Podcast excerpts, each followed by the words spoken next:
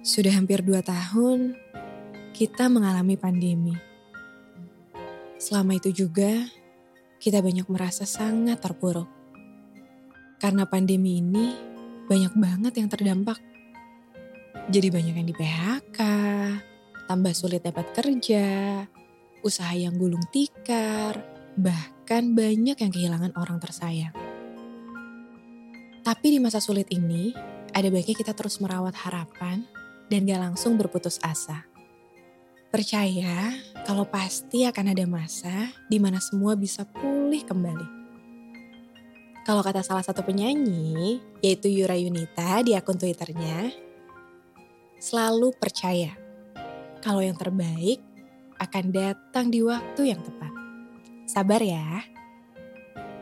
Keajaiban memang tidak datang secepat kilat.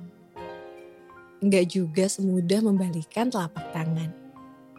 Tapi itu akan muncul di waktu dan momen yang tepat.